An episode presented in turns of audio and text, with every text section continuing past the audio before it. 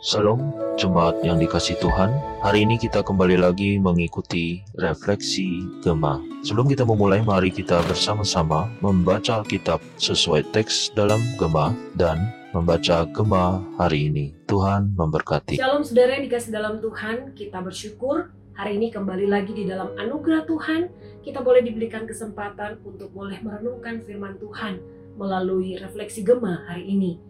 Saudara, sebelum kita akan merenungkan firman Tuhan, mari saya undang kita semua untuk berdoa terlebih dahulu. Mari kita satu di dalam doa. Tuhan kami mengucap syukur buat hari yang indah yang kau anugerahkan kepada kami. Sebelum kami memulai kehidupan sepanjang hari ini, kami memohon kiranya melalui kebenaran firman Tuhan yang kami renungkan bersama pada hari ini, Engkau yang akan menolong kami, memampukan kami, sehingga kami boleh mengerti dan memahami apa yang menjadi kehendak Tuhan dalam kehidupan kami. Terima kasih, ini yang menjadi kerinduan hati kami. Kami berdoa dalam nama Tuhan Yesus, Tuhan dan Juru Selamat kami yang hidup. Amin. Saudaraku yang dikasih dalam Tuhan, perenungan firman Tuhan pada hari ini terambil dari 2 Tawarik pasal 10 ayat yang pertama sampai pasal 11 ayat yang keempat. Saudara kita tidak akan membaca keseluruhan dari perikop ini, kita hanya akan membaca beberapa ayat saja, yaitu dari ayat yang pertama sampai ayatnya yang ke-8. Dan saya berharap Bapak Ibu Saudara boleh punya waktu secara pribadi untuk boleh membaca keseluruhan dari perikop ini. Mari saudara saya akan bacakan bagi kita sekalian, demikian firman Tuhan. Kemudian Rehabeam pergi ke Sikem sebab seluruh Israel telah datang ke Sikem untuk menobatkan dia menjadi raja. Segera sesudah hal itu kedengaran kepada Yerobeam bin Nebat, ia ada di Mesir, sebab ia melarikan diri ke sana dari hadapan Raja Salomo. Maka kembalilah ia dari Mesir. Orang menyuruh memanggil dia, lalu datanglah Yerobeam dengan seluruh orang Israel dan berkata kepada Rehabeam, Ayahmu telah memberatkan tanggungan kami, maka sekarang ringankanlah pekerjaan yang sukar yang dibebankan ayahmu dan tanggungan yang berat yang dipikulkannya kepada kami, supaya kami menjadi hambamu. Tetapi ia menjawab mereka, datanglah kembali kepada Kulusa. Lalu pergilah rakyat itu. Sesudah itu Rehabeam menerima nasihat dari para tua-tua yang selama hidup Salomo mendampingi Salomo ayahnya. Katanya, Apakah nasihatmu untuk menjawab rakyat itu? Mereka berkata kepadanya, jika engkau mau berlaku ramah terhadap rakyat itu, mau menyenangkan mereka dan mengatakan kata-kata yang baik kepada mereka, maka mereka menjadi hamba-hambamu sepanjang waktu. Tetapi ia mengabaikan nasihat yang diberikan para tua-tua itu, lalu ia meminta nasihat kepada orang-orang muda yang sebaya dengan dia dan yang mendampinginya. Saudaraku yang terkasih dalam Tuhan, kesalahan terbesar orang percaya pada umumnya adalah bahwa kita cenderung untuk lebih suka mendengar hal-hal yang menyenangkan hati daripada hal-hal yang memang perlu untuk kita dengar. Kita lebih suka mengunyah permen yang manis daripada menelan obat yang pahit. Meskipun kita tahu bahwa permen yang manis itu tidak baik untuk kesehatan, namun karena enak di lidah, maka kita tetap mengkonsumsi permen dan menyukai permen itu. Sudahku yang dikasih dalam Tuhan, Rehabeam yang merupakan penerus Salomo juga demikian.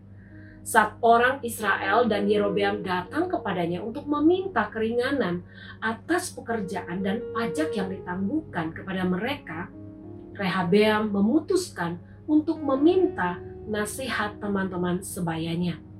Namun sebelumnya saudara, Rehabeam lebih dahulu bertanya kepada para tua-tua yang mendampingi Salomo ayahnya. Namun ia mengabaikan nasihat yang mereka berikan. Sebaliknya saudara, ia mengikuti nasihat teman-teman sebayanya. Saudaraku, Rehabeam tidak menyukai bahkan mengabaikan nasihat daripada tua-tua itu. Karena ia tidak sependapat dengan mereka.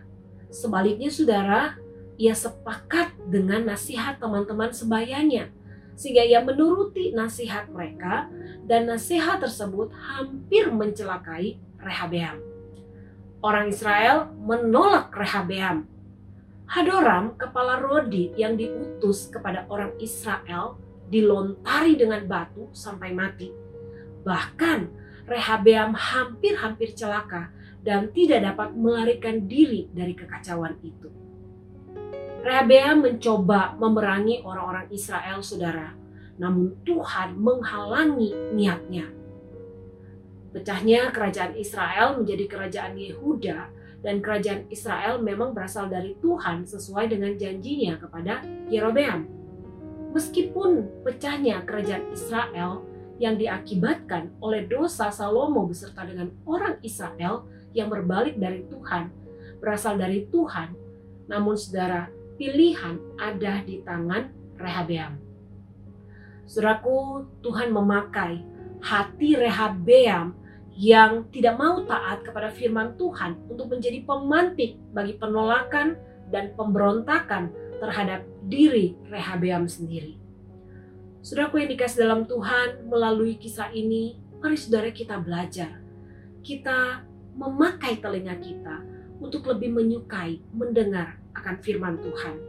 Saudara firman Tuhan itu adalah pelita dan terang bagi jalan yang gelap. Saat kita tersesat, maka kita akan dituntun dan diarahkan oleh kebenaran firman Tuhan. Karena itu saudara, mari kita terus meminta kepada Allah Roh Kudus, biar kita diberikan hati yang selalu memiliki kerinduan untuk mendengarkan firman Tuhan, untuk mencintai firman Tuhan. Biarkan kita diberikan hati untuk terus menerus punya kerinduan untuk bersekutu dengan Tuhan melalui firman-Nya. Saudara saya percaya ketika kita punya hati yang rindu akan firman Tuhan, maka setiap perkataan kita, setiap pikiran kita, setiap apa pun yang kita lakukan dalam hidup kita, maka firman Tuhan itulah yang akan menuntun kehidupan kita. Biarlah kita berdoa supaya Tuhan menolong kita, memampukan kita semua. Dan saya percaya saudara ketika kita hidup di dalam kebenaran firman Tuhan, maka hidup kita senantiasa akan menjadi berkat di mana pun kita berada. Biarlah firman Tuhan ini akan menolong kita menjalani kehidupan sepanjang hari ini. Mari saudara kita berdoa. Terima kasih Tuhan, kami bersyukur buat kebenaran firman-Mu yang boleh mengingatkan kami akan kebenaran firman-Mu.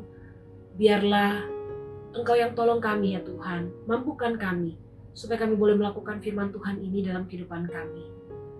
Tolong kami Allah Roh Kudus untuk punya kerinduan mendengar firman-Mu, mencintai firman-Mu, bahkan melakukan firman-Mu dalam kehidupan kami.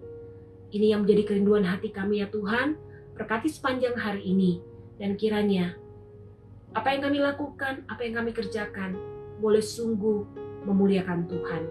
Hanya di dalam nama Tuhan Yesus, Tuhan dan Juru Selamat kami yang hidup, kami berdoa, kami mengucap syukur. Amin.